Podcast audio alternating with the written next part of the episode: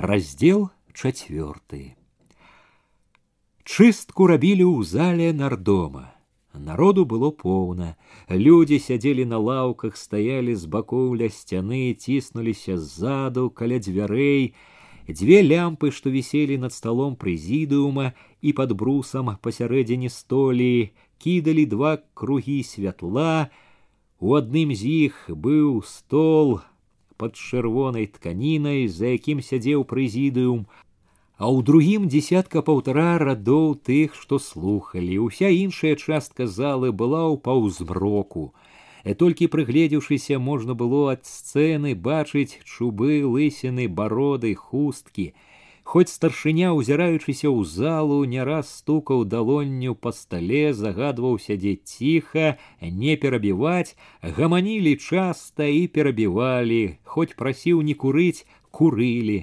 за столом было трое камісія па чыстцы пасярэдзіне сядзеў старшыня камісіі белы работнік парткалегіі ЦК партыі беларусі і камуніст з лютага 1917 года прысадзісты шуплаваты немалады ўжо зачасанымі назад пасівелымі валасамі спакойны ў манеры гаварыць і ў рухах абапал старшыні былі члены камісіі чорны з кудламі вельмі жвавы вельмі худы галеншык прафсаюзны дзеяч з мінска былы майстар па вырабу хромавай скуры і шыракаплечы важкаваты з выгляду беразоўскі чыгуначнік абодва члены камісіі першы час пад позіркамі столькіх вачэй чулі сябе неабыякова беразоўскаму было як бы няёмка ён амаль не глядзеў у залу і нібы не ведаў куды пакласці руки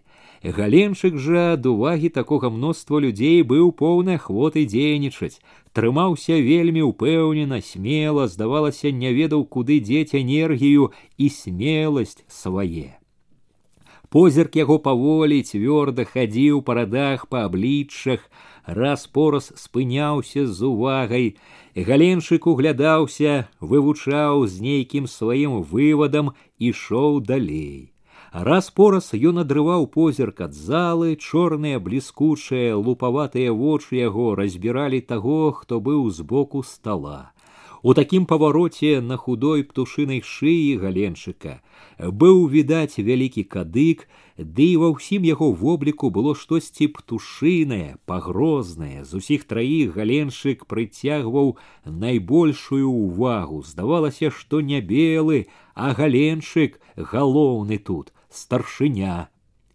першым выклікалі сакратара райкома башлыкова святло падала трохі збоку і спераду яно паблісквала ў гладкіх без сівінкі ў валасах выдзяляла моцны чысты лоб моцны нос плечы яно адзначала кожную ямку кожную маршчынку а рабіла башлыкова трохі старэйшым.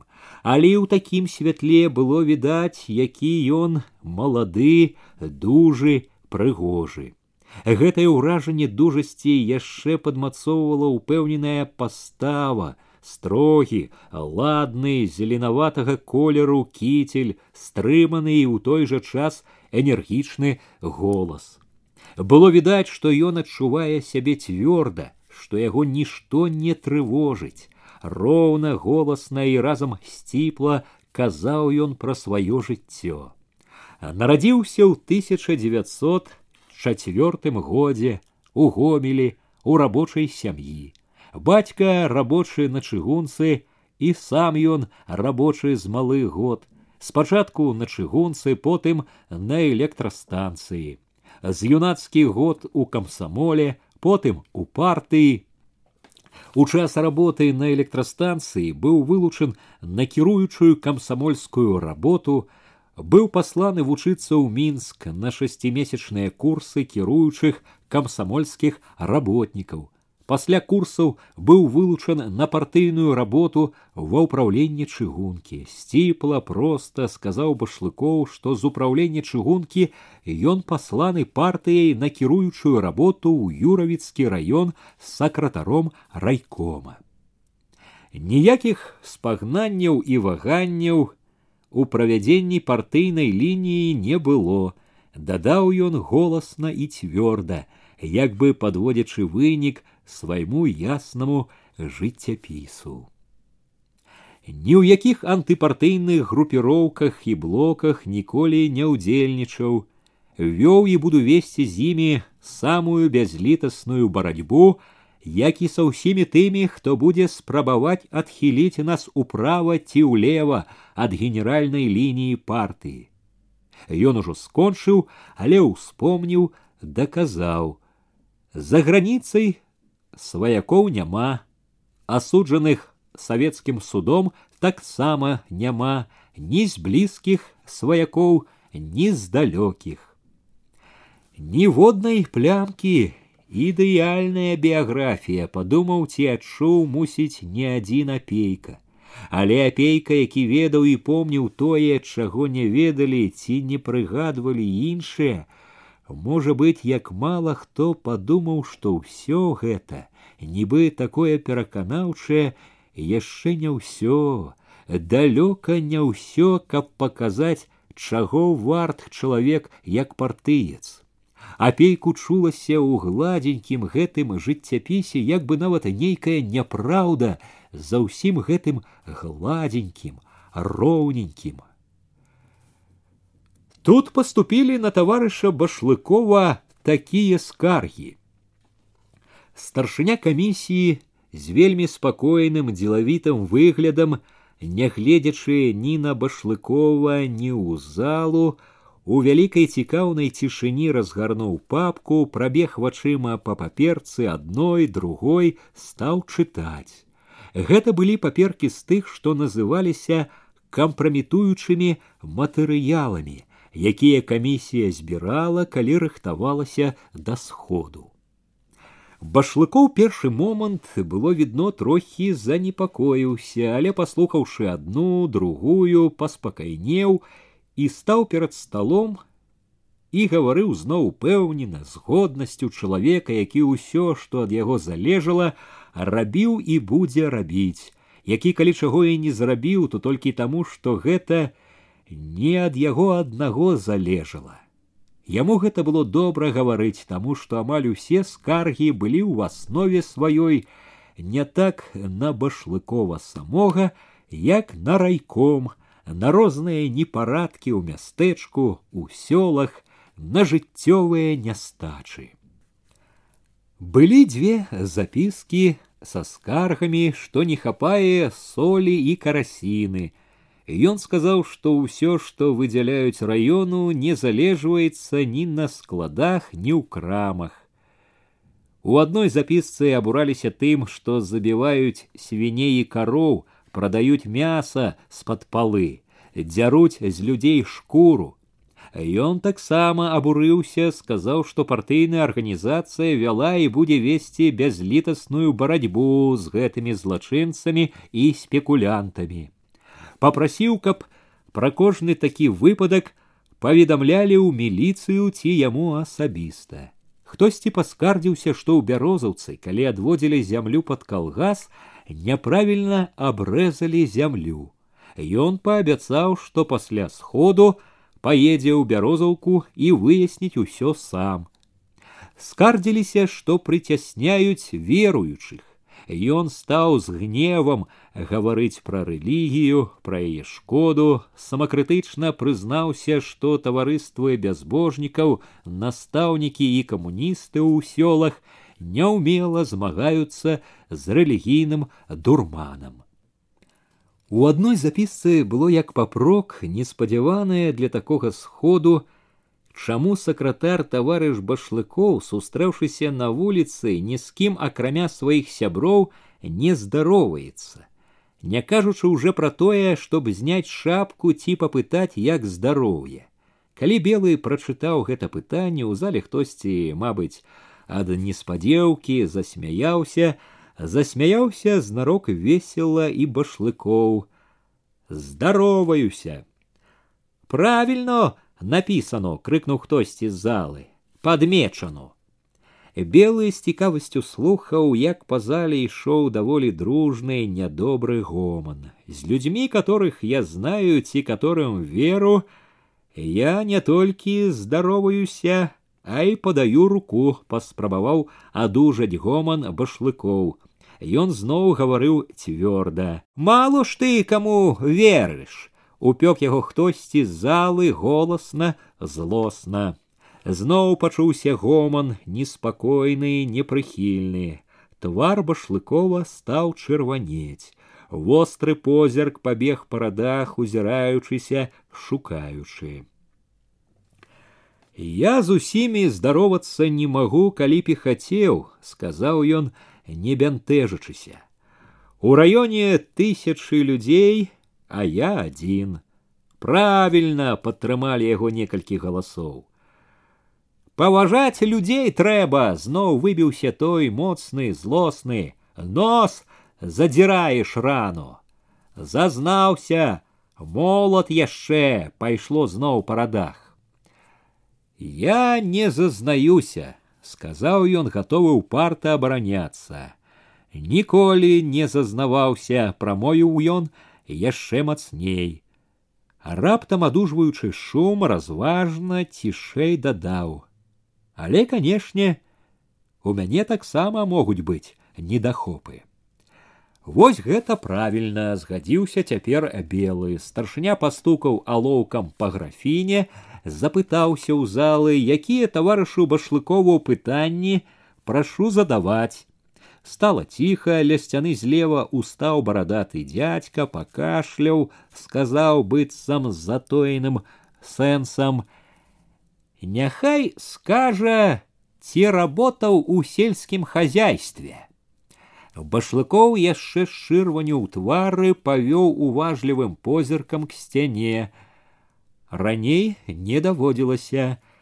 Ясно, прамовіў дядзька зноў як бы прытойна і сеў. Вясёлы жаночы голас запытаўся, чаму таварыш сакратар не жанаты ходзіць местачковых дзяўчат гэта вельмі цікавіць. Але башлыкоў, хоць і ў зале павесялела, не паддаўся на весялосць, яшчэ насцярожаны адказаў, што з жаніцьбаю думае пакуль пачакаць. Шкода, уздыхнуў хтосьці гулліва. Башлыкову давялося перажыць яшчэ некалькі важкіх хвілін, калі белы, запытаў у залу, хто хоча выступіць, і к столу камісіі лёгкай прухкай хадой падышоў гайліс. Гайліс ледзь дайшоў, дзіцячым сваім галаском кінуў у залу. Тут неразумна смяялись записка башлыкоў не здымае шапка, не здароваецца. Нічога нет, смешного. Правильно, товарищ Башлыков не снимает шапка. Конечно, это маленький недостаток. Товарищ Башлыков, может быть, даже не знал, что тут есть таки звычай здороваться с незнакомый человек. Але это, что товарищ Башлыков не здоровается, не есть дробязь, ерунда бо тое, што товарыш башлыкоў не здоровается, не есть случайность. Бо этот факт говорит про то, як товарищ Башлыков звычайно поступает. Он звычайно и товарищам, с которыми разом работает, товарищам по партии руку не подае. Он никогда не пытается, як вы живьете. Он более любит кричать у трубку. Ви там черт знает, что делаете. Вы спите, вы оппортунисты. Мы будем с вами говорить на бюро. Вот як говорит часто товарищ Башлыков. Галіс помаўчаў, паглядзеў на башлыкова, як бы хацеў пераканацца, ці слухае той. Башлыкоў пачырванелы, стоены слухаў, і Гайліс павярнуўся зноў да залы. Товарыш башлыкоў можа лічыць, што сакратар павінен быць строгі. Это правильно, павінен быць строгі. Он не есть, як гаворыцца кум. Але этого мало. Секретар райкома повинен быть не только строгі, але и уважливый и справедливый. Чуткий повинен быть культурный. Этого часто нет. Ён зноў павярнуўся да башлыкова, дакончыў. Вучыцца, таварыш башлыкоў, трэба. Ён гаварыў так шчыра, пераканана, што ўся зала моўчкі лавіла кожнае слово. Уражвала мусіць і тая адкрытасць, смеласць, з якой ён рэзаў праўду самому башлыкову, не думаючы зусім пра тое, што можа быць потым. Апейку гэтая адкрытасць і смеласць не дзівілі, ён адно думаў зухвала, як добра тое, што ён гайлес рэжа ў вочы башлыкову именно тут у гэты момант. Бачыў, як чырванеў, як стрымліваў сябе не вельмі ахвотны да такіх урокаў сакратар. Слухай, слухай, мімаволі думаў апейка. Вучыся, Гайліс такой жа лёгкай хадою сышоў, як чалавек, які зрабіў тое, што павінен быў, падаўся на сваё месца на другім радзе недалёка ад апейкі. Апейка не азіраўся, але адчуваў, што на Гайліса глядзяць з павагай. У зале яшчэ ціха, ні аднаго галаска, у цішыні гэтай і пачулася: « Дазвольце мне слова. К столу ішоў зубрыч. Ускочыў на одну ступеньку, на другую, зірнуў у залу, але гаварыць не стаў спяшацца, пачакаў увагі. Я беспартыйны, сказаў ён спачатку да камісіі. Але я таксама хачу сказаць. Паколькі думка беспартыйнай масы, як мне вядома, таксама неабыякавая для камісіі. Голас мой як чалавека непартыйнага можа быць і не так много значыць. Але я магу таксама ўнесці сваю долю для высвятлення ісціны. І такім чынам, па гэтай хоць бы прычыне я адчуваю абавязак сказаць сваё слово. Ён павярнуўся к зале, помаўчаў момант і загаварыў больш павольна, моцна. Я павінен сказаць шчыра некалькі слоў. Перш за ўсё не буду таіцца. Таварыш башлыкоў са мной таксама не цырымоніўся. Мне, наколькі я помню, ён таксама не толькі не падаваў рукі, але і здаралася гаварыў словы не менш вострыя, чым таварышу гайлесу. Здаралася было такое, таіцца няма чаго, я буду гаварыць шчыра. Ён кінуў позіркам на башлыкова, які насцярожана сачыў, да чаго ўсё гэта. Апейка таксама глядзеў з цікавасцю залы з першага рада, праўда, з цікавасцю асаблівай. Непрыемны і не зусім зразумелы быў яму гэты чалавек, з якім даводзілася ўжо не адзін год рабіць блізка. І падхалім і не падхалім нешта горшае, брыдкае, нейкае слізкае. Для чаго ён вылез сюды, з якім намерам? Што яму трэба тут? Я не друг таварышу башлыкову. Ні ён да мяне, ні я да яго не мелі асаблівай сімпатыі. Будзем гаварыць шчыра. Але я люблю праўду. І вось гэтая праўда і прымушае мяне гаварыць, не маўчаць. Я з таварышам башлыковым сустракаўся не раз, бачыў яго збоку, слухаў і магу сказаць, што ведаю таварыша башлыкова някепска, ведаю як кіраўніка, ведаю як чалавека, як партыйца. Я ведаю таварыша башлыкова, Зубрычаў голас яшчэ падужэў, не набыў як бы святочнасці. І таму я скажу шчыра, не магу згадзіцца з таварышам Гайлісам. Зубрыч адолеў шум у зале, не магу. Таварыш башлыкоў надзвычай энергічны, дзелавы кіраўнік, вельмі чулы да людзей. Ён зноў адужаў шум, так, вельмі чулы. Я згоден, што ён строгі, патрабавальны, але ён разам з тым і чулы. Э, тут няма ніякай супярэчнасці. Яго строгая патрабавальнасць і ёсць нешто іншае, як сапраўдная чуласць дзелавая у наш час калі класавая барацьба так абвастрылася калі сам закон класавай барацьбы патрабуе быць заўсёды на пагатове заўсёды быць пільным нельга быць чулым і не быць патрабавальным не разумеючы гэтага нельга правільна зразумець таварыша башлыкова тут зубрыч прымоўк і далей загаварыў ужо цішэй, мякчэй, але з той жа шчырасцю ў голасе. Я павінен адказаць і яшчэ аднаму прамоўцу. От тут пыталіся, ці працаваў таварыш башлыкоў у сельскай гаспадарцы. Маўляў, ці ведае сельскую гаспадарку. Магу сказаць, ведае. Як спецыяліст, які часта сустракаецца з ім іменна ў гэтай галіне гавару, ведае. І што яшчэ больш важнае, ведае душу селяніна, ведае, чым ён селянін наш і, як кажуць, дыхае. Я магу сказаць з поўнай адказнасцю, што партыя не памылілася, прыслаўшы такога работніка ўмацаваць кіруючае партыйнае ядро. Добры кіраўнік, сапраўдны бальшавік. Такая моя беспартыйная думка. Хтосьці крыкнуў правільна.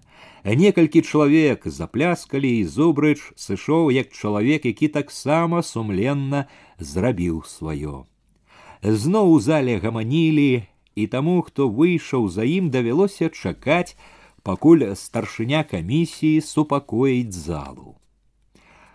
Звонкі не па гадах важны, сталы, таропячыся ў залу упартым позіркам косцік, кудравец са ўсім сваім камсамольскім пылам рынуўся раскідаць усё, што сказаў гайлес, што пакрыквалі з залы.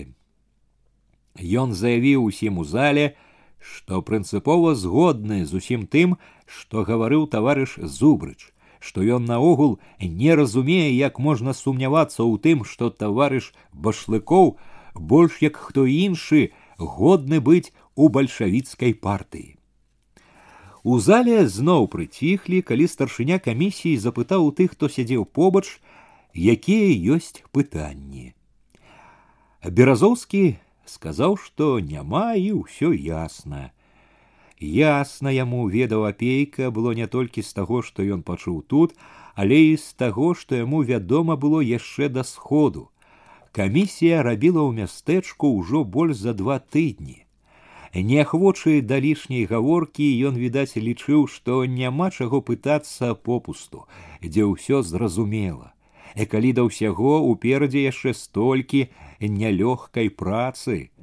Галенчык жа, строга перабіраючы нешта ў памяці у роздуме помаўчаў.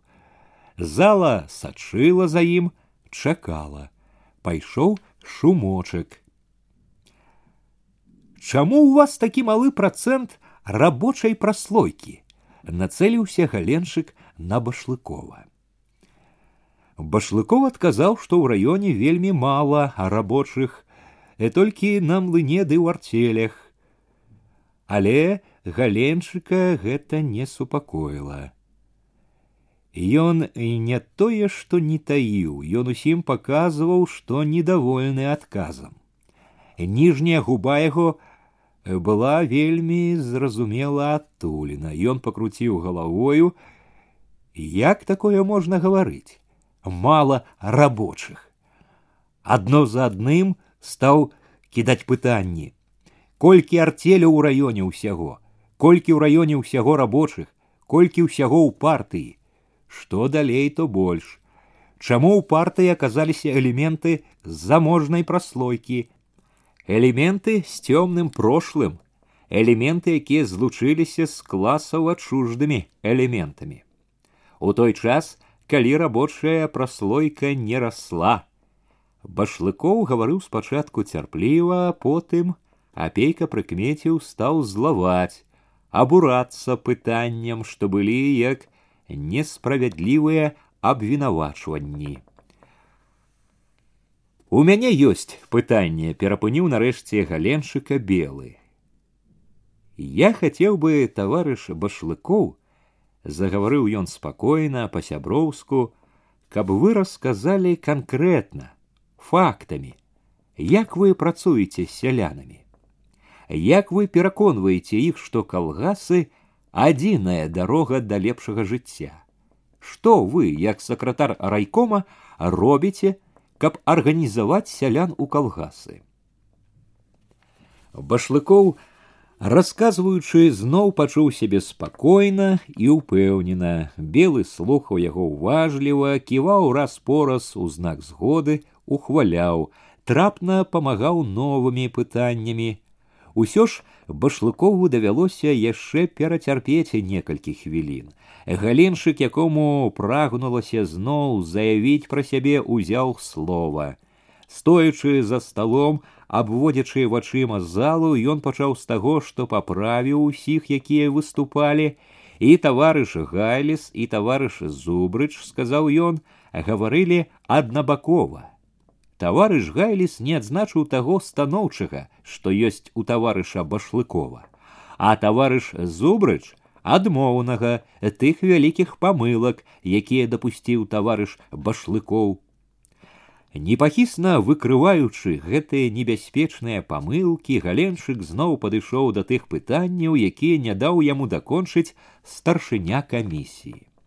Даводзячы як шкодна для партыі тое што ён выкрываў сваімі пытаннямі ён ужо выпраўляў не толькі лінію башлыкова а разам і лінію тых партыйцаў якія бяруць такую лінію пад абарону галенчык знарок не называў прозвішча старшыні ён відаць і так ведаў што ўсе зразумеюць каго ён папярэджвае белы слухаў яго цярпліва не перабіў ні разу і галеншык зноў вярнуўся да башлыкова таварыш башлыкоў павінен улічыць павінен помніць павінен не забываць усяго што яму было тут сказано таким жа тонам галеншыкі скончыў таварыша башлыкова можна адставіць у партыі але ўказаць на тыя недахопы якія тут былі ўскрыты.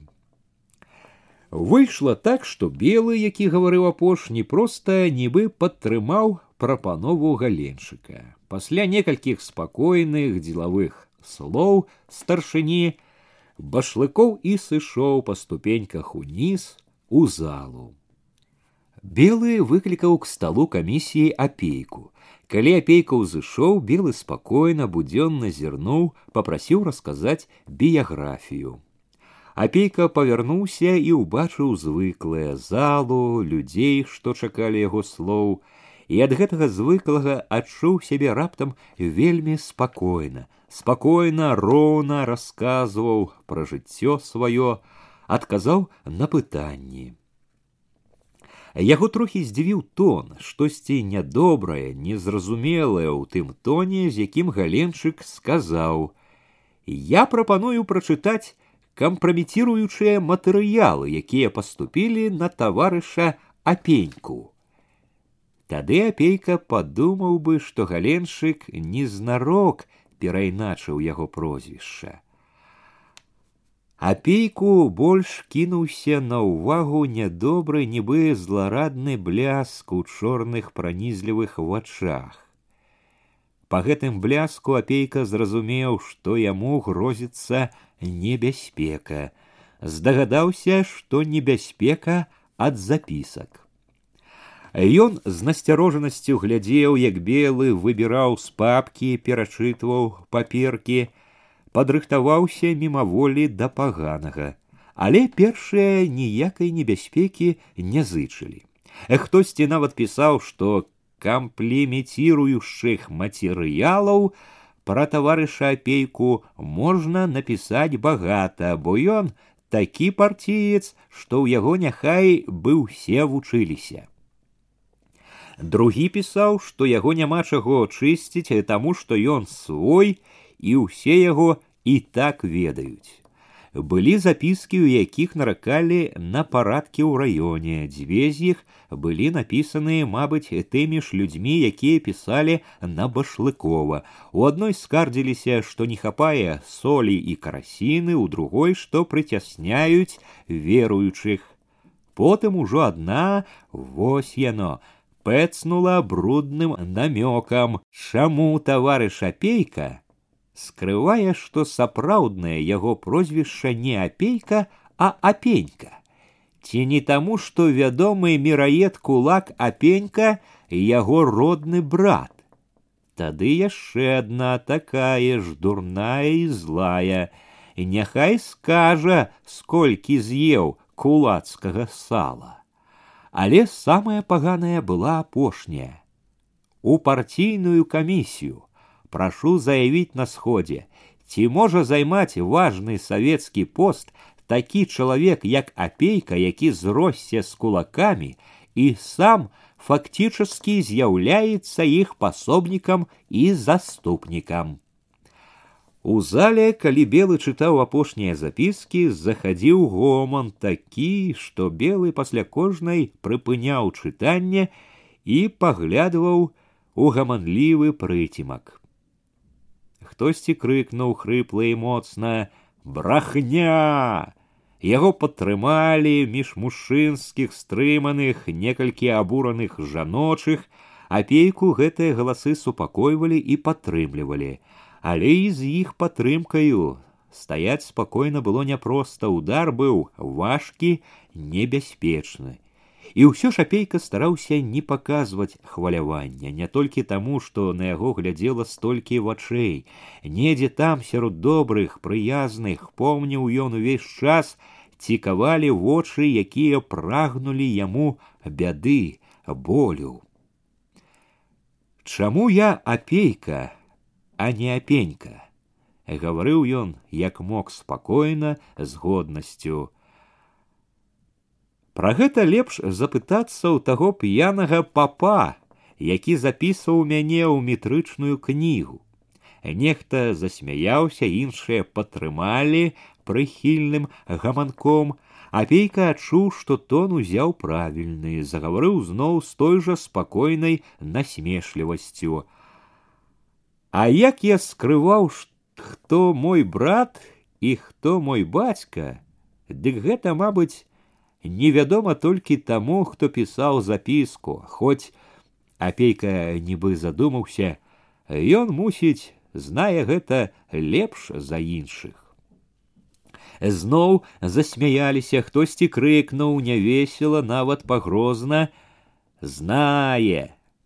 Апейка перачакаў і сказаў коротко, цвёрда: Сала братавага я не браў не браў і значыцца не еў ні аднаго фунта і браць не думаю гэтае слово яго таксама ўхвалілі гоманам ён помаўчаў падумаў што да трэцяга пытання то апейка глянуў на белага яно можна сказаць не да мяне гэта пытанне да камісіі белы кіўнуў што згодны з адказам запытаў у залу якія да таварыша апейкі пытанні пастаяў павёў позіркам па зале чаго тут пытацца знаюць усе свой чалавек белы цярпліва пачакаў пастукаў алоўкам па графіне гоман прыціх хто хоча выступіць аб таварышу апейку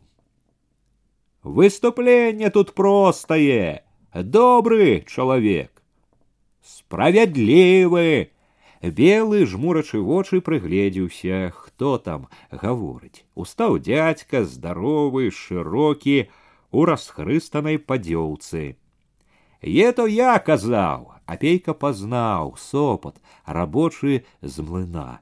Белы попрасіў яго выйсці к сталу, але сопат толькі варухнуў плячом, І тут добра, сярод народу, лаўчэй. Дак от кажу, добры чалавек, добры, абыходлівы, словам партейны. От ты ўсё. Дядька зірнуў на белага на апейку важна з годнасцю чалавека, які выканаў неадменны абавязак сеў. Белы зноў пытаўся, хто яшчэ скажа, зноў быў гоман, чулася, чаго тут казаць попусту. Ясна ўсё, свой чалавек.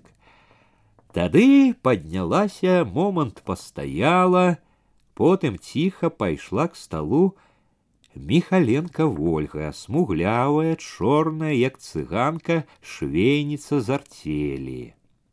Апейка быў добра знаёмы з ёй, яна была сакратаром камсамольскай ячэйкі артелі, не раз прыходзіла да яго, зусім нядаўна абуралася ў яго кабінеце, што загадчык артелі і кладаўшык рознымі хітрыкамі нажываюцца на чужой працы, крадуць, п'янствуюць, была яшчэ таксама нядаўна зусім з просьбай дабівалася грошай на ленінскі куток.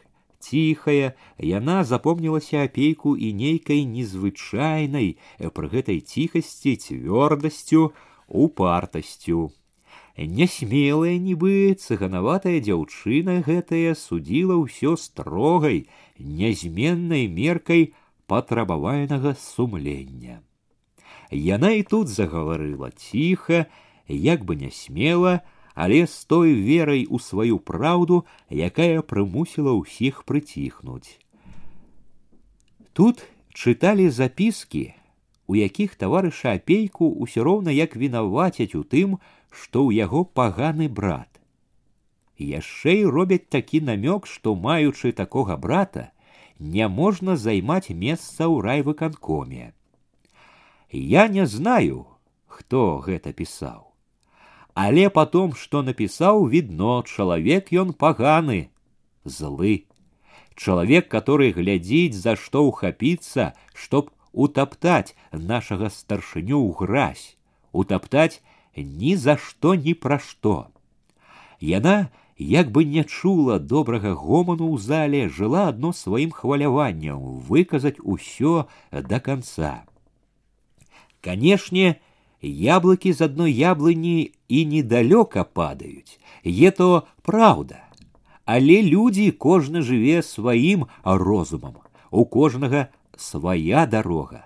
Брат брату кажуць па няшчасцю прыяцель. Ета ўсё адно, як сказано, да сягонняшняга сходу.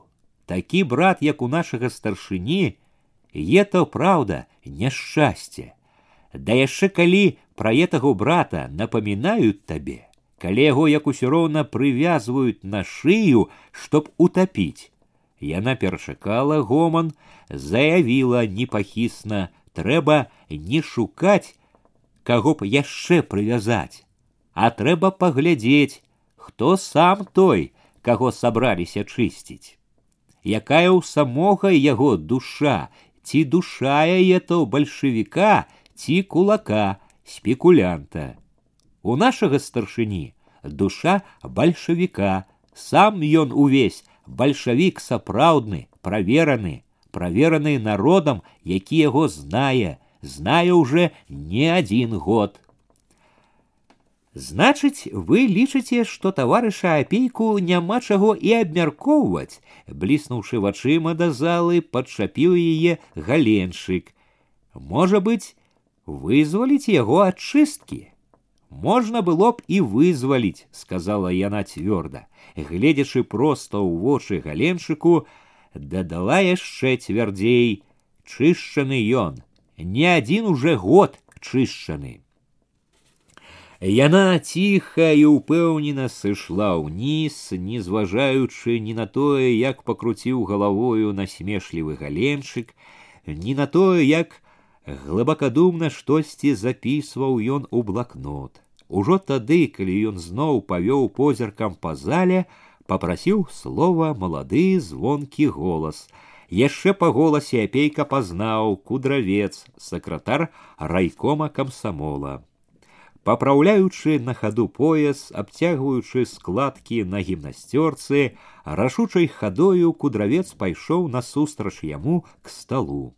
Патым, як ён ішоў, як стараўся не сустракацца позіркам, апейка адчуў, што кудравец выйшаў не абараняць яго. Кудравец стаў край сцэны, ускінуў галаву, нагадваючы раптам плыўца, што зараз кінецца ў ваду.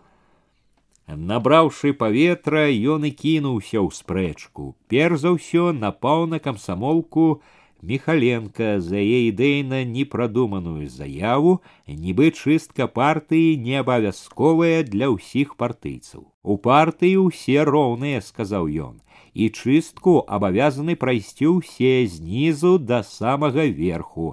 Этаму заява гэта міхаленкі памылковая і райком камсамола ў прынцыпе асуджае яе. Апошнія словы кудравец сказаў ужо галеншыку, і галеншык слухаў яго з сур'ёзнай мінай, стрымана кіўнуў, што прыме заяву гэту даведама. Цяпер пра таварыша апейку. Голас яго апаў, ён перавёў дыханне, гатовы, здаецца, ўздыхнуць. Хоць кудравец быў наперадзе і апейку бачылася толькі патыліца ды трохі шчака, ён заўважыў, што той няёмка шукае некага, вось знайшоў башлыкова, цяперашняга свайго настаўніка. Апейка востра сачыў, неспакойна і як бы раўніва. Кудравец, быў яго вучнем, няхто іншы, ён апейка заўважыў, прапанаваў вылучыць кудраўца ў райком, ён падказаў паслаць яго на вучобу. Сам вучыў яго, дзяліўся ўсім, што было ў душы, вучыў, пакуль не паявіўся іншы настаўнік, цяперашні. Каго ж ты вылучыў і вывучыў, прайшло раптам цяпер у галаве.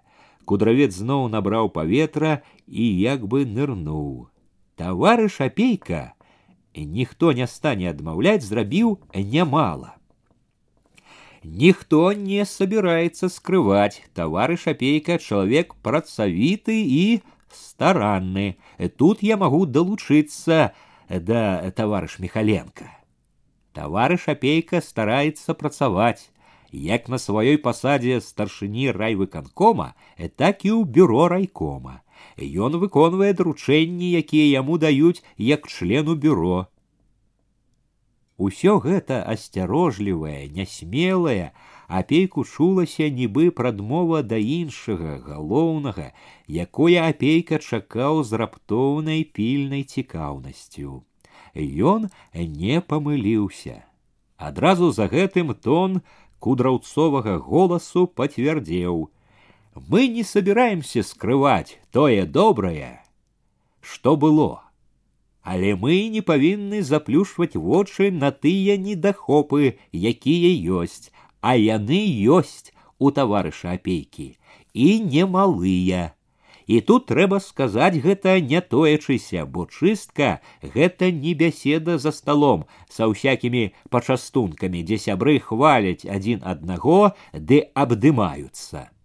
На чыстцы трэба чысціць, шчышчаць усялякія наросты. І тут мы павінны не тоячыся сказаць, што ў таварыша апейкі ёсць вялікія недахопы. Перш за ўсё трэба сказаць адкрыта, у таварыша апейкі не заўсёды хапае бальшавіцкай прынцыповасці. Таварыш апейка, трэба прама сказаць, нярэдка траціць класавы крытэрый у рабоце. У чым гэта выражаецца, ухапіўся галеншык, узняў галаву, кудравец азірнуўся, галеншык патрабаваў суровага смелага адказу. Ён таварыш апейка вельмі добры. Кудравец хацеў схаваць ніякавасць, адвярнуўся к зале, загаварыў знарок голасна. Мы жывём у вялікі, але суровы час. Нас акружаюць і справа і злева ворагі, і нам трэба быць пільнымі і бязлітаснымі. нам нельга попускацца быць добрымі нам трэба быць бязлітаснымі каб вораг здалёк нас баяўся адчуваў нашу непахіснасць Чаму ж ён таварыш апенька добры такі зноў перабіў кудраўца галеншык перабіў строга непрыхільна з нейкім пагрозным улавіў апейка намёкам Этон быў такі, што галеншык ведаў прычыну дабраты. Добры ён вымавіў моцна насмешліва. Галеншык пытаўся, каб падказаць прычыну другім. Ён добры, по-мойму, проста ад прыроды, сказаў кудравец. Ад прыроды, гледзячы, што разумець пад гэтаю прыродаю. Галенчык насмешліва, бліскуча холоднымі вачыма павёў па зале. Прырода розная бывае. Радзіўся такі. Галенчык вельмі зразумела, наіўнае дзіця пакруціў галавою. Кудравец зноў загаварыў спачатку няёмка, апейку былі відны чырвоная шчака і чырвонае вуха, потым смялей, галасней, як бы стараючыся вярнуць сабе годнасць. Ужо рэзка напаў на апейку за тое, што заступіўся за былога афіцэра гарошку, дабіваўся вярнуць яго ў школу, патрабаваў, каб апейка неадкладна парваў усялякія сувязі з братам, показаў і тую цвёрдасць і прынцыповасць. Голасна закончыўшы гаварыць, ён знарок бадзёра хацеў сысці, але галенчык яшчэ затрымаў яго. Што вы прапануеце наконт таварыша апенькі? Я прапаную, голасна і бадзёра сказаў кудравец, мімаволі павёў позіркам на башлыкова, як бы шукаў парады я прапаную яшчэ павысіў голас кудравец хаваючы кволасць указаць таварышу апейку што ён павінен канчаткова парваць са сваімі сваякамі усялякія сувязі а на пасту займаць цвёрдую класавую бальшавіцкую лінію а як вы лічыце можна оставить таварыша апеньку ў радах членаў КПББ. Уніяк! Не так здзівіўся, як адзначыў сабе апейка. Ужо даўно чуў ён, што небяспека тоецца там, дзе галенчык, чакаў адтуль пагрозы. Праз гэта ён менш як трэба было б дзівіўся таму, як паводзіў сябе кудравец. Ён проста нібы адкрываў сабе новае ў характары кудраўца. Дзіўна заўважыў на кудраўцовай патыліцы пот. Нялёгка хлопцу. Я так думаю, не паказаў кволасці кудравец. Трэба, каб таварыш апейка даў слова што ён у далейшым будзе цвёрда весці бальшавіцкую лінію ва ўсім папярэдзіць яго. Яшчэ кудравец не дайшоў да лаўкі, як з радоў ускочыў імкліва рушыў да сцэны гайліс. Хударлявы, жылаваты ў расшпіленым шынялі, ускочыў на сцэну, круто павярнуўся к зале. Не можна так, таварыш кудравец зазвенеў высока востра галасок не можна ви молады большавік ви кіраўнік райкома комсомола вы должны показывать пример усёй моладзі трэба мець свой характар свой цвёрды прынцып я гаварыў прынцыпова устаў крыкнуў з залы кудравец ви Говорили без прынцып, обрезал его гайліс. Ви говорили прынцып, чего изволите. Вот какой говорили вы прынцып. Товарищ Гайліс, упэўнена уладна спыніў латыша галенчык. Вам ніхто не даў права абражаць людзей і заціскаць ім рот, калі яны гавораць тое, што вам не падабаецца. Я не заціскаю рот.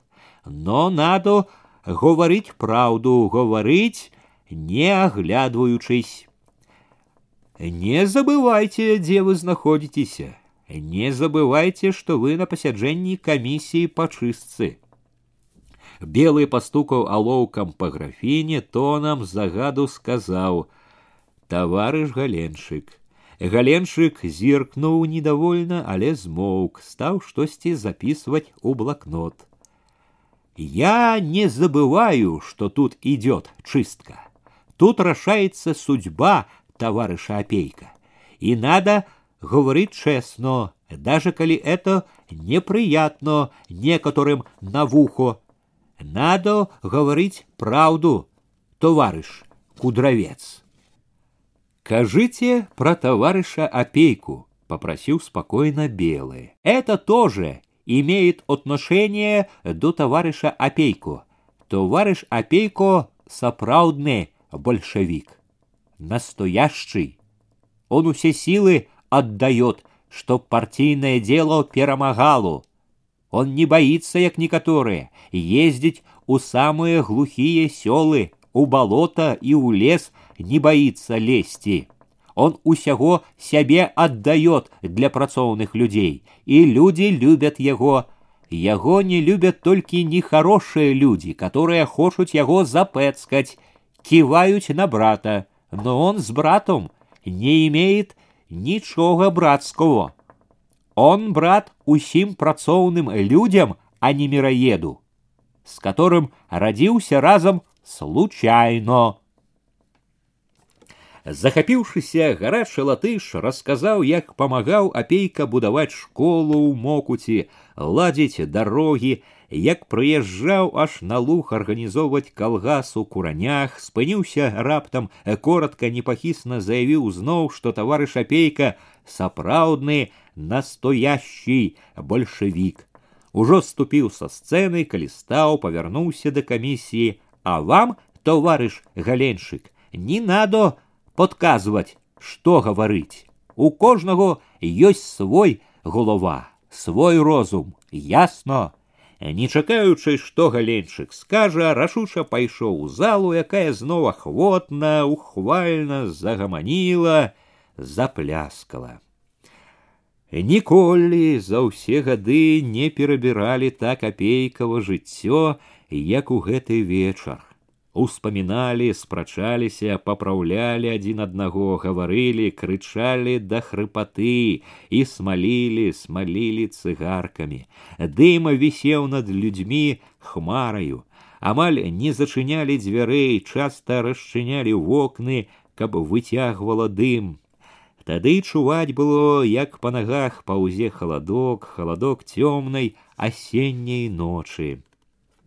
Э, люди то выходили, то заходили, стояли у сенцах, гаманілі под вокнамі к поўначы трохі разышлося, але ў зале было і цяпер амаль што поўна, што далей, то часцей сталі пакрыкваць, што пора канчаць, пра апейку ўсё ясна, але белы не слухаўся, даў выказацца ўсім. Было ўжо далёка за поўнач, калі старшыня запытаў у членаў камісіі, ці няма ў іх пытанняў. Зала зноў глядзела на галенчыка, той, сунуўшы строгія бровы, хвіліну думаў, першым выказаць сваё права і ўладу, ці даўно бачыліся з братам. У якіх адносінах вы з былым настаўнікам і афіцэрам гарошкам, якія адносіны ў вас з кулаком глушаком падрыхтаваны ў думках, што ад галеншчыка можна чакаць усяго, апейка адказваў спакойна з годнасцю. Не абураўся нават тым, што галенчык на ўсё недаверліва крывіць губы. Апейку як бы падтрымлівалі і разумная ўвага белага і спачуванне залы. Галенчык не вельмі насядаў на апейку з пытаннямі, ён неўзабаве заявіў, што пытанняў больш няма, але як толькі белы пацікавіўся ці не хоча хто з членаў камісіі выступіць галеншык глыбай падняўся за сталом Ён адразу заявіў што некаторыя з тых якія выступалі не паказалі належнай палітычнай спеласці больш таго некаторыя як таварыш гайліс паспрабавалі заціснуць рот тым хто адважваўся крытыкаваць апеньку больш таго стараліся выставіць апеньку як нейкага святога якога і падазраваць у грахах не дазволена паглядзім ці такі ён святы таварыш апенька як тут стараліся некаторыя даказаць паглядзім узважым усё строгай бальшавіцкай меркай галеншык акінуў вачыма залу непахісны бязлітасны узважым бальшавіцкай меркай помаўчаў загаварыў цішэй мякчэй паблажліва Таварыша пеньку тут называли добрым, справядлівым, чулым. Хвалілі, што таварыш апенька ўсіх прымае, усіх выслухоўвае, памагае ўсім. Галенчык нібы пахваліў таксама. Памагае, правильно. Правильно, голас яго дзіўна зацяўся. У голасе штосьці таілася, абяцала памагае. Але давайте паглядзім. Галінчыкаў голас падужэў, як апенька памагае і каму памагае. Вот што, давайте паглядзім. Адна справа, калі памагаюць працоўнаму чалавеку, бедняку, які шукае парады і падтрымкі ад роднай савецкай улады, які просіць, каб савецкая ўлада абараніла яго ад заклятага яго ворага і ворага савецкай улады кулакамі раеда. Гэта адна справа.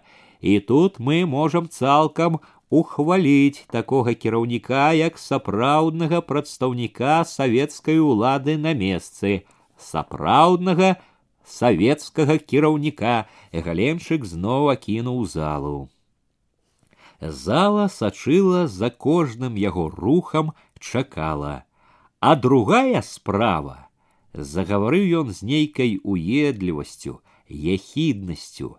Калі ў кабінет старшыні савецкага выканкома прыходзіць лішэнец, цвёрда заданец, былы царскі афіцэр. Калі яны размазваюць па твары кракадзілавыя слёзы, толькі для таго, каб затуманіць нашу голову, усыпіць нашу бальшавіцкую пільнасць. Гэта другая справа. Адна справа гэта наш друг працоўны чалавек, а другая вораг класава чужды вораг, з якім трэба быць заўсёды на пагатове, якому нельга даваць ніякага спуску потому як адносіцца чалавек да класава чуждага ворага праяўляецца перш за ўсё бальшавіцкая стойкасць і загартоўка галеншыкаў голас пацішэў і зноў пачулася ў ім яхіднасць і вот тут открываюцца нашим вачам просто сказаць дзіўныя рэчы партыец з такім вялікім стажам поставлены на адказны пост старшыні райвыканкома сплош і радам губляе простую і чоткую класавую лінію.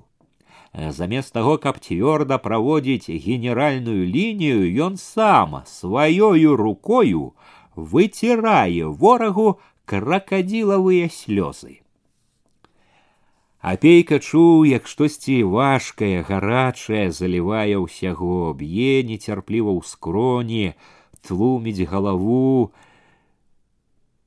Унь куды гне.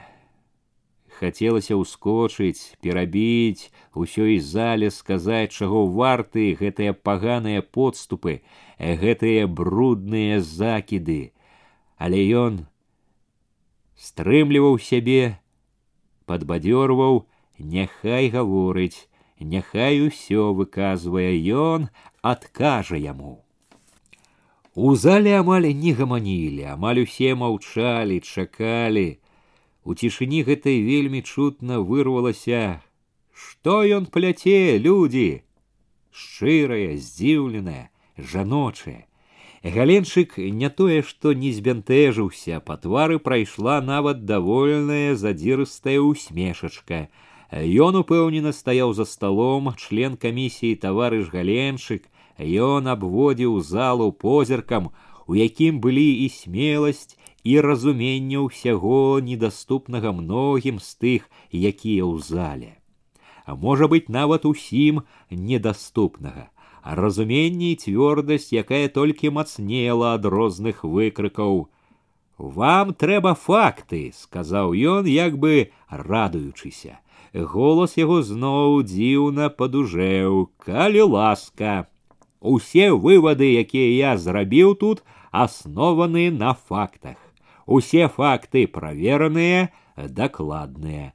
Я пачну з таго, на што даволі асцярожна намёкаў нацэліў таварыш кудравец. На факт заступніцтва таварышам апенькам забылога афіцера гарошку. Подумайте, член партии, старшыня райвыканкома сам добивается, каб обновили на работе наставником былого офицера. Каб доверили выховывать наше молодое советское поколение, нашу надею детей белому офицеру, заклятому ворогу советской улады.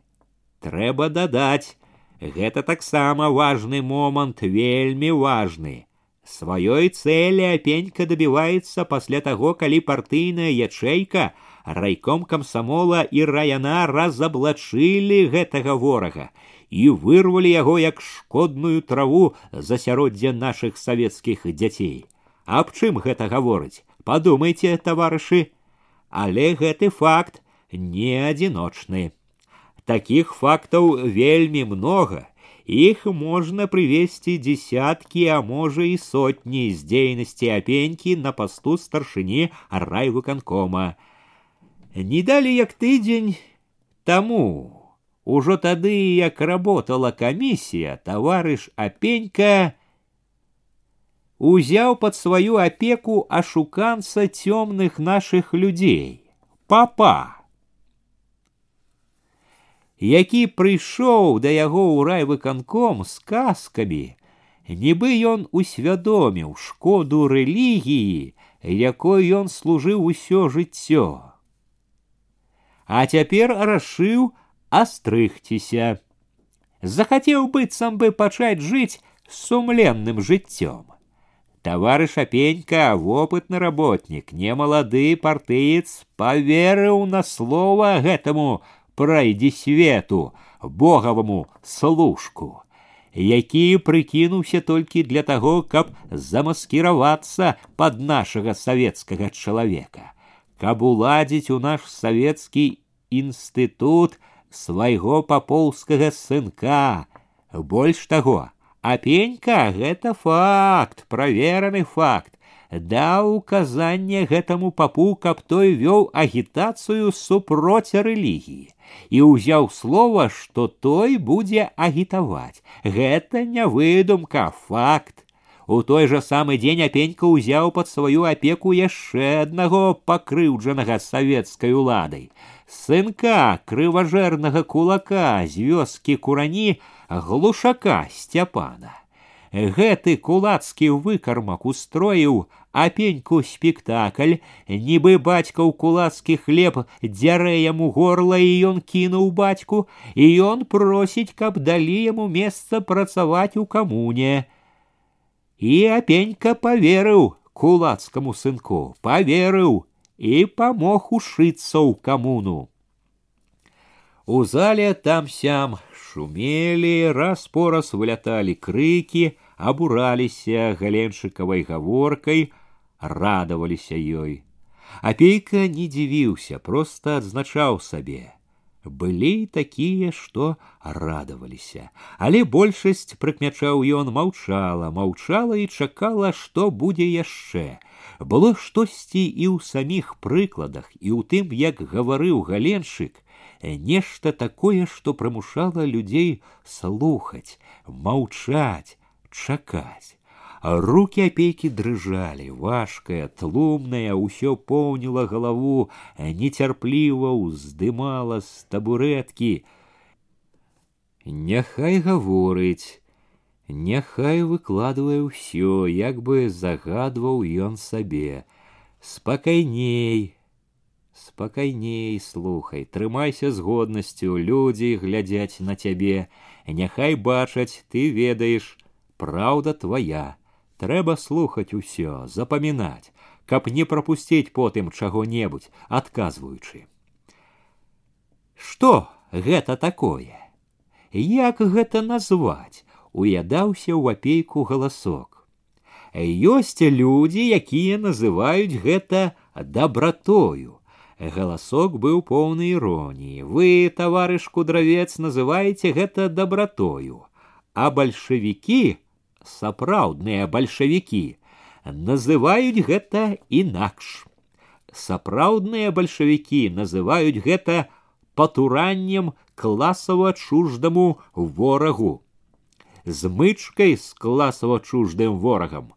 Па сапраўднаму бальшавіцкаму азначэнню гэта нешто іншае, як скрыўленне класавай лініі бальшавіцкай партыі. Па бальшавіцкаму азначэнню гэта нешто іншае, як правы ўхіл. Вот што гэта такое, калі глядзець глыбока і адкрыта правы ўхіл, з якім бальшавіцкая партыя пад кіраўніцтвам таварыша Сталіна вяла і будзе весці бязлітасную барацьбу.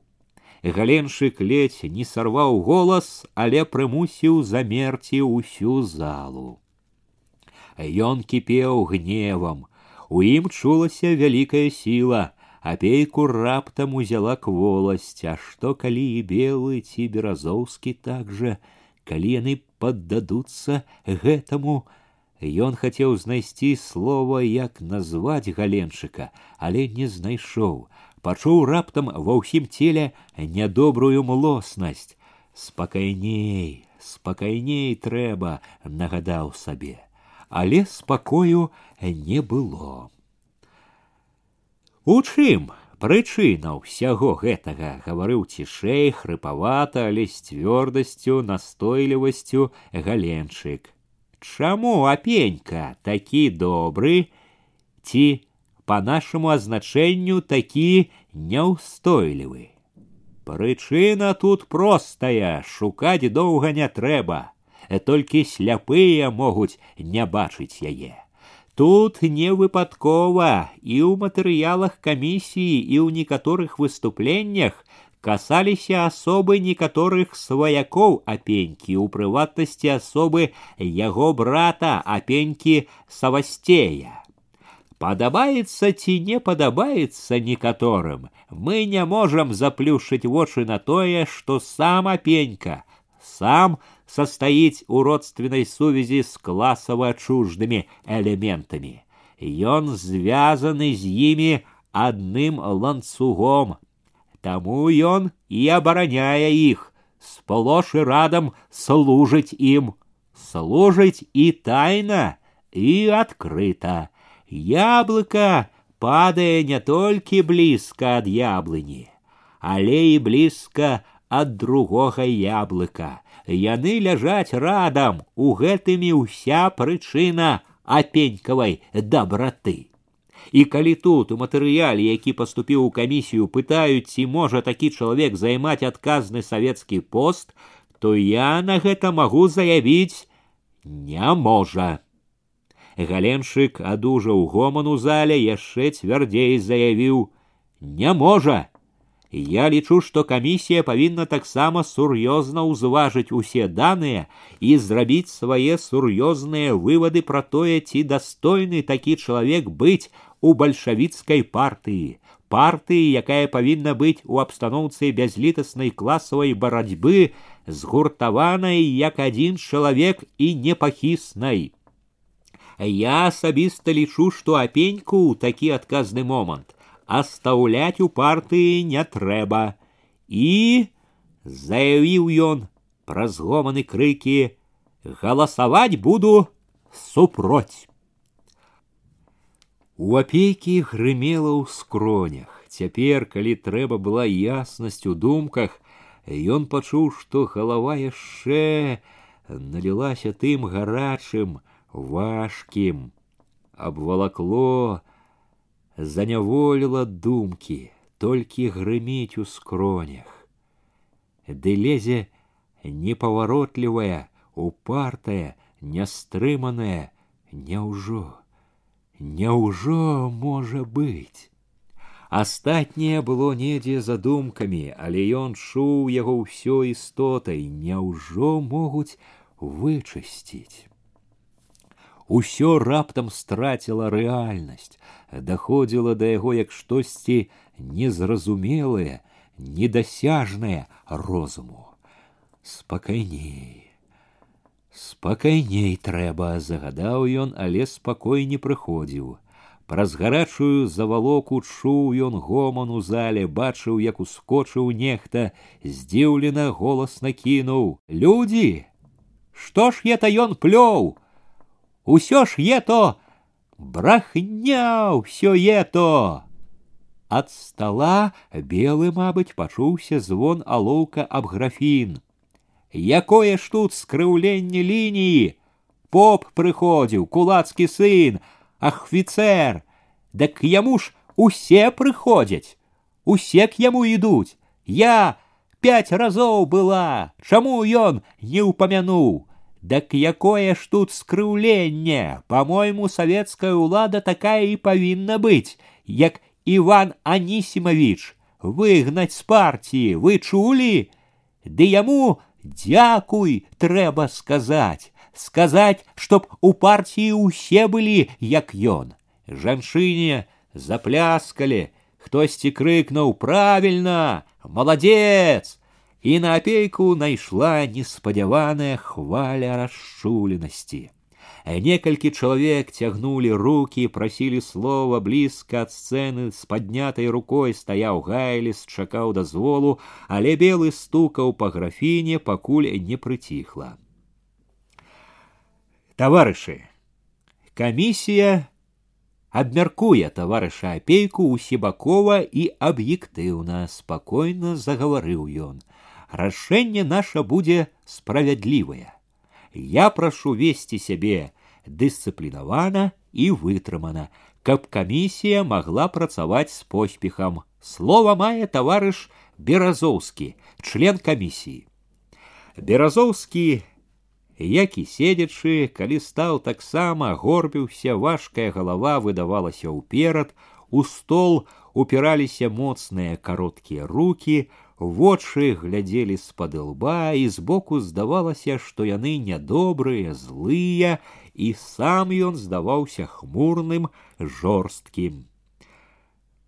Я хачу казаць тут на некаторыя моменты, сказаў ён важка, глуха, с которыми я не згодны. Антон Алексеевич тут осветлил так, что опейка связан с ворожими элементами и состоит у родстве с ими. Ён говорил про брата Савастея и не сказал, что у опейки есть яшчэ брат и тры сястры, и что яны бедняки, ці маламоцныя серадняки, и не отметил, что бацькі опейки зноў жа самай што ні на ёсць пролетарской крыві. Гэта ён упусціў. По-другое ты, Алексеевич, упусціў, што за ахвіцэра апейка хадатайстваваў не сам, а таму, што к яму прыходзілі дзеці са школы. От што! Паслухай, потым скажаш, не даў ён перабіць сябе галенчыку.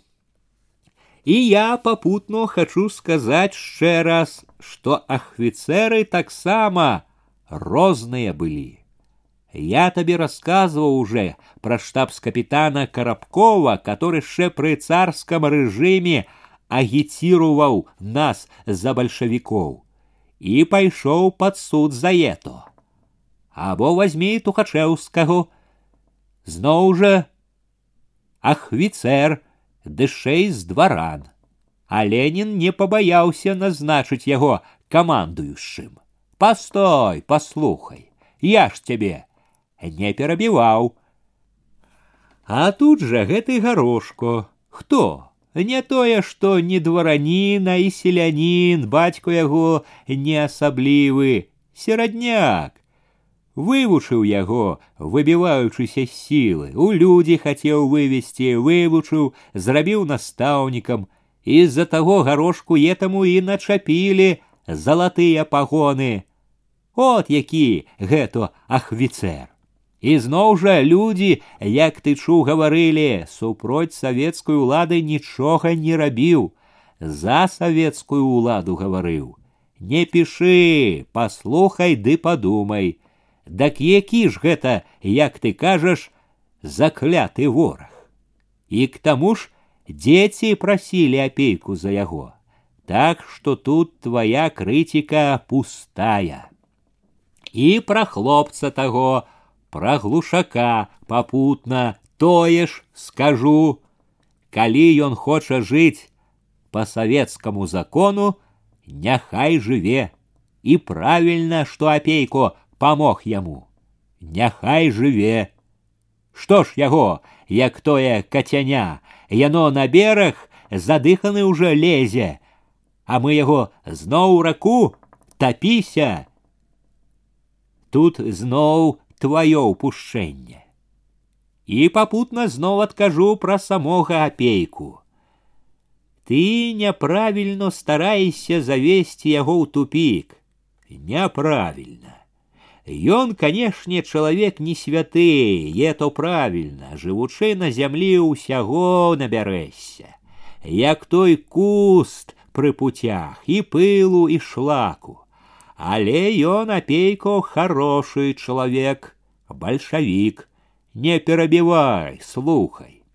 Аб этом гавораць усе факты. Усе надзейныя людзі пацвердзілі гэту, з якімі мы гаварылі. А ты ухапіўся за матэрыял, который падкінуў, можа, які-небудзь прахадзімец. Ці можа быць такі чалавек на савецкім пасту, і яшчэ падпяваеш яму не можа. Я не падпяваю, абурыўся галеншчык. Я даказаў гэта пераканаўча, нічога ты не даказаў, загарэўся і беразоўскі, нічога. Гаварыў, як лажыў важкія чыгунныя пліты, ты кажаш, не можа. А я кажу, можа, і ў партыі можа быць такая моя думка. От што! Апейка, які пасля галенчыка не вельмі верыў у гэтага не зусім зразумелага прытоенага маўчуна, слухаў яго і з раптоўнай уцехай і з вінаватасцю. От чакаў ад яго паганага, не верыў, а ён глядзі ты, цвёрда сказаў сваё слово. І якое слово, якое разумнае, цвярозае, апейка быў поўны неспадзяванай удзячнасці, а раптам перастала біць у скроні, пасвятлела ў галаве, пачуў сябе лягчэй, як бы ўбачыў наперадзе прагаліну. Спакайней, з давер'ем слухаў белага, які, відаць, хацеў ужо канчаць абмеркаванне. Час позні таварышы а мы хотели б абмеркаваць яшчэ аднаго таварыша. Таму я яшчэ раз прашу быць дысцыплінаванымі, памагаць нам працаваць. Не шумець у зале, ён помаўчаў і апейка зразумеў. Зараз пачне гаварыць пра яго. Белы загаварыў так жа роўна, спакойна, але разважліва. Чыстка. Што такое чыстка? чыстка, здаецца, вельмі простая чысціць. Бяры мятлу, лепей густую ды пацвярдзей і мяці. Чысці, шаруй, пакуль не стане чыста. Чым мятла цвярдзей, чым шаруеш цвярдзей, тым лепей. Проста помаўчаў, зноў заявіў: просто і няпроста. Проста калі подлога, і няпроста калі людзі. Няма такой мятлы, якая чысціла проста людзей. Няма і не будзе, вот у чым закавыка. Тут штука тонкая. Тут не размахнешся, тут десять разоў трэба прыгледзецца, вывучыць усё, каб рашыць справядліва па-бальшавіцку. Яно ж і гаспадыня добрая, метучы не асабліва размахнецца мятлой, глядзіць як бы са смеццем не вымесці і лыжкі ці лапця. А як жа камісія павінна глядзець, каб не ставіць у партыі смецця. І каб белы загаварыў з націскам, каб не вымесці таго, чаго вымятаць не трэба. Што патрэбна ў гаспадарцы? Што трэба парты бальшавікоў? От што такое, калі падумаць, чыстка. Вымесці смецце і оставить усё добрае. Той, хто вымятае не толькі смецце, а і добрых партэйцаў, той робіць не меншае зло, чым той, хто пакідае смецце. От з гэтага давайте і паглядзім на ўсю гэту гісторыю з таварышам апейкам. Давайте паглядзім, хто такі таварыш апейка. Таварыш беразоўскі гаварыў, хто яго бацькі правільна гаварыў, тут карціна ясная і няма чаго паўтараць тое, што вядома. Давайте паглядзім на жыццёвую дарогу самога апейкі. Дзіця бедных бацькоў, пастух, касец, новобранец, салдат у акопах, чырвонаармеец, Тут вельмі важна, што ў чырвонай арміі ён не адбываў службу, а служыў, не шкадуючы сябе. Быў ранены, за савецкую ўладу чалавек праліў кроў. Для савецкай улады ён стаў камандзірам, агітатарам. Год за годам перабіраў белы апейкава жыццё, пакуль не падвёў да вываду Усё, чаго дабіўся апейка, ён дабіўся, дзякуючы савецкай уладзе і таму, што па-сыноўняму служыў ёй. Само апейкава жыццё, якое нядаўна пад недаверлівым, зняважлівым позіркам галеншыка выглядала нікчэмным, бруднаватым, цяпер разгортвалася як няхай і невыдатная асабліва, открытая людским вачам, видная от краю до краю поля. Такое жыццё таварыша апейкі, нібы подвёў рысу белы, на ім одна вялікая паганая пляма, брат, кулак, родны брат кулак, кулак і по свайму становішчу і, як мы ведаем, по свайму духу, Скажу просто, такое сваяцтва насцярожвае і прымушае нас больш уважліва прыглядацца да таварыша апейкі. І я тут разумею недаверлівасць таварыша галенчыка, раптам прыкра адгукнулася ў апейку. Насцярожыла. Я і сам з асаблівай увагай вывучыў гэтую частку апейкавай біяграфіі. Гэта вельмі важна для высвятлення асобы таварыша апейкі, трывожыў апейку белы. Па тым, якія адносіны ў апейкі з братам, мы можам меркаваць, хто такі сам апейка. Таварыш галенчык сказаў, што з адной яблыні яблыка ад яблыка падае недалёка. Сказаў нават, што ляжаць радам. Гэта правільна, што да яблык. Але людзі не яблыкі, людзі могуць быць і радам і могуць быць па розныя бакі барыкад. Таму мы уважліва праверылі блізка ці далёка адзін ад аднаго браты апейкі праверылі, еў ці не еў апейка, як тут пісалі кулацкае сала. Я магу ўпэўнена сказаць цяпер не еў. Браты, можна сказаць, ідуць зусім рознымі дарогамі. Але разам з тым камісія указвае таварышу апейку, што ён вінаваты, што не спыніў своечасова брата, што даў яму вырасціў такога вырадка у кулака. Гэта віна ёсць на таварышу апейку, і мы указваем яму. Виноваты, век буду виноваты, подумав опейка, век будуть чаплять. Узяло расчараванне. Разумны чалавек, а гаворыць такое. Але белы не цікавіўся яго пачуццямі. Белы спакойна, незласліва і бязлітасна вёў сваю гаворку, мераў усё сваёй меркай. Вось пачаў ужо новае а цяпер паглядзім, як праявіў сябе таварыш апейка на работе. Работа самая дакладная праверка бальшавіка. Апейка не прапусціў слова да тых апошніх, якія сказаў белы. І калі найлепш пра чалавека меркаваць па рабоце, па справах, то таварыш апейка наш савецкі работнік большевик со своими заслугами перед партией. Такие люди патрэбны партыі. Калі апейку далі слова, ён раптам пачуў, што не ведае з чаго пачаць. У душы было яшчэ поўна трывогі, нястылага хвалявання, і разам з тым жыла надзея адчуванне, што ўсё кончыцца добра. Адзін будзе супроць, але магло быць і горш.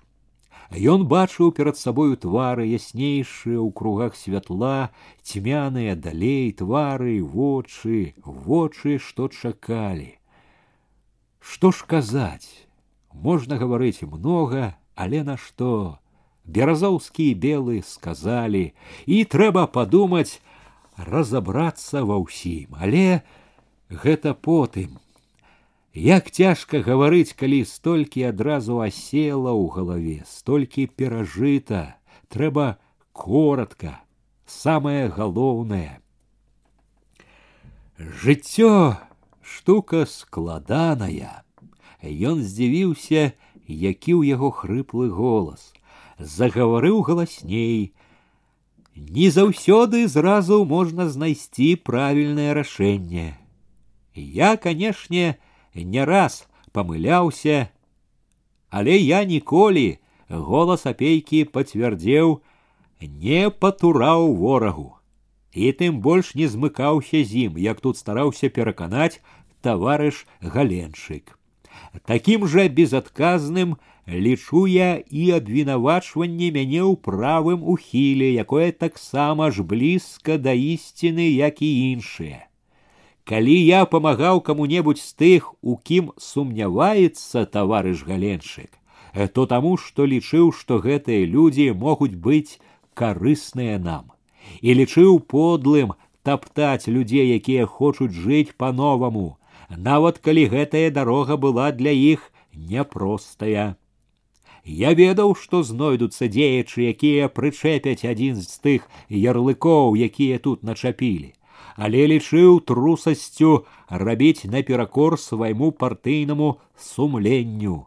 Я і далей буду рабіць так, як падказвае мне партыйнае сумленне, не азіраючыся на выкрыкі тых, у каго кульгаюць ці разважнасць, ці можа быць сумлення. Вы каго маеце на ўвазе? загарэўся галеншчык. Я сказаў усё, зерно апейка на белага. Будзем галасаваць. Белы ўстаў, як бы даючы зразумець важнасць хвіліны, помаўчаў. Хто за тое, каб таварыша апейку Івана Нісімавіча аставіць у партыі? Ён сам першы ж падняў руку. За ім падняў руку беразоўскі. Двое, хто супроць, адзін. Такім чынам большасць за. Ледь белы аб'явіў рашэнне камісіі, не чакаючы, калі сціхнуць воплескі галенчык попрасіў слова. Я лічу гэтае рашэнне няправільным. Лічу, што камісія ў даным выпадку праявіла палітычную блізарукасць і апартунізм. Я пераканаўся ў гэтым яшчэ раз, слухаючы выступленне апенькі, у якім ён не толькі не прызнаў сур'ёзных палітычных памылак, а заявіў, што будзе так жа дзейнічаць і далей, і ў якім ён назваў усіх, хто ідзе прама трусамі і дурнямі. І я далажу пра гэта вышэйстаячым інстанцыям Для адпаведнага вываду. Ён зноў абвёў залу першым сесці. Ён быў упэўнены, што не ўсё кончылася поўнае хвалявання думак апейка нібы праз завалоку бачыў як чысцілі трэцяга харчава паўнацелы шыракагруды аж гімнасцёрка як не трашчала ён стаяў прама по вайсковаму гаварыў коротко голасна трымаўся вельмі спакойна спакойна яго буравата-чырвоным твары ва ўсёй моцнай постаці быў і тады калі пачалі чытаць запіскі запісак было нямала і большасцю нядобрыя што п'е часта што грубы з людзьмі што без прычыны арыштоўвае людзей харчаў гаварыў што выпіваю часам гэта праўда не адмаўляюся але ніякіх парушэнняў па службе з-за гэтай прычыны не было і не будзе я выпіваю ў свабодны ад службы час калі б я не піў я ніколі не прапіваў памяць і тым больш сумлення я заўсёды помню пра свой абавязак і заўсёды магу выканаць любое паручэнне. Я адмятаю, як паклёп, голас яго падужэў, пацвярдзеў, што я грубы з людзьмі. Ён перасіліў гоман у зале. Я, канешне, рассусольваць не люблю, але з людзьмі невінаватымі я гавару вытрымана і ветліва, я грубы з тымі, з кім трэба быць грубым, са ўсякай контррэвалюцыйнай сволаччу і спекулянскай нечысцю. У мяне такая работа. Мне даручана глядзець за ўсякай нечысцю, ахоўваць ад яе савецкую ўладу ў раёне і савецкі парадак, і я ахоўваю, не цырымонічыся з тымі, хто падкопваецца пад наш парадак, я не церемонился и церемониться не буду. Ну, а что вы скажете на тое, что вас обвинавачивают у незаконных арыштах? Нагадал Белый. Я скажу так, что незаконных арыштаў не было, харшаў адужаў гоман у зале. Гэта паклёп. Калі трэба, я гатоў хоць сягоння даць поўны адказ адпаведнай камісіі на кожны факт арышту, на кожную меру. Аб усіх мерах я дакладваю ў адпаведныя органы, ніякага самаўпраўства я не дапускаю.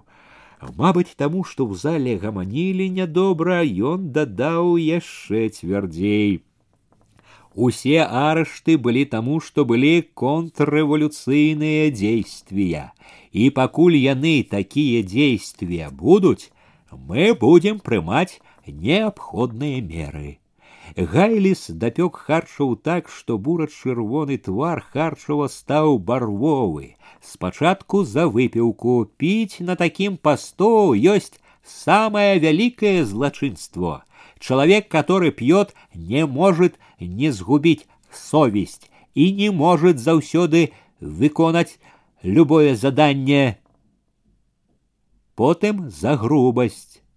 Товарыш харчаў не верыт іншы раз не толькі просты селянін, але і савецкі актыў партыйцам не верыт. Сам сабе толькі верыт. Поэтому у товарыш харчаў ёсць памылкі. Незаконныя арышты віжа незаконна арыштовали грамадзянку сарока з курані. Ви выпустили скоро, но Ви же арыштовали. Почему же Ви говорите незаконных арыштов не было? За гайлісам выскочыў ліслівы зубрыч. Заступіўся за Харчава. Харчаў выключна адданы справе. Прынцыповы бальшавік. Потым падтрымаў харчава башлыкоў, які зноў трымаўся з гаспадарскай упэўненасцю, заявіў, што харчаў працуе ў самым цесным кантакце з райкомам, ніякіх фактаў злоўжывання сваімі правамі не дапускаў. Пахваліў харчава як члена бюро справядлівага, сумленнага, актыўнага У самых складаных і важных справах ніколі не быў у баку, удзельнічаў заўсёды адкрыта, прынцыпова па партыйнаму. Доўга крыкліва тлумачыў значэнне працы харчава галеншчык, які аказалася мог быць і шодры на хвальбу. Горача маляваў ён тым, якія сядзелі ў зале, воблік адданага строгага, але справядлівага бальшавіка, якому выпала на долю такая цяжкая і слаўная праца. Апейка бачыў, як харчаў па-свойму праўдзівы, непрыхільны да напышлівых слоў, няёмка крывіўся ды адварочваўся ад галеншчыка. Выйшлі на вуліцу пад раніцу. Неба шарэла, было вельмі холодна, гразь узялася храпаю. Апейка разы тры спатыкаўся, пора б ужо снегу быць. Чтоб не пашкодзіла азімыя. Ішло спачатку побач некалькі чалавек, потым асталіся ўдваіх. Харчаў, які таксама маўчаў, раптам плюнуў: « Ну і гнідаш гэты крыкун ці ганіць, ці хваліць, бляваць хочацца. Апейка не сказаў нічога, разам дайшлі да хаты, разышліся кожны на свой ганак. Потым, як хутка адчыніла дзверы жонка, апейка зразумеў, што яна не спала, можа, таксама была на сходзе. Была, стомлена зірнуў ён на яе павячэраўшы, была. Усё як трэба было чакаць, здагадалася яна. Калі лёг пачуў, як стаміўся, пачуў, якую небяспеку перажыў. А што калі б не белы, не беразоўскі, хто-небудзь яшчэ пад галенчыка ці без характару, Ды і так ці ўсё яшчэ кончылася, гразіўся у вышэй стаячай інстанцыі гніда праўда. Прыпомнілася, ці можа займаць адказны савецкі пост чалавек, які звязаны з кулакамі. Хто гэта пісаў? Ці мала іх, мала каму ён насаліў, і вось жа таксама ўзяў удзел у чыстцы.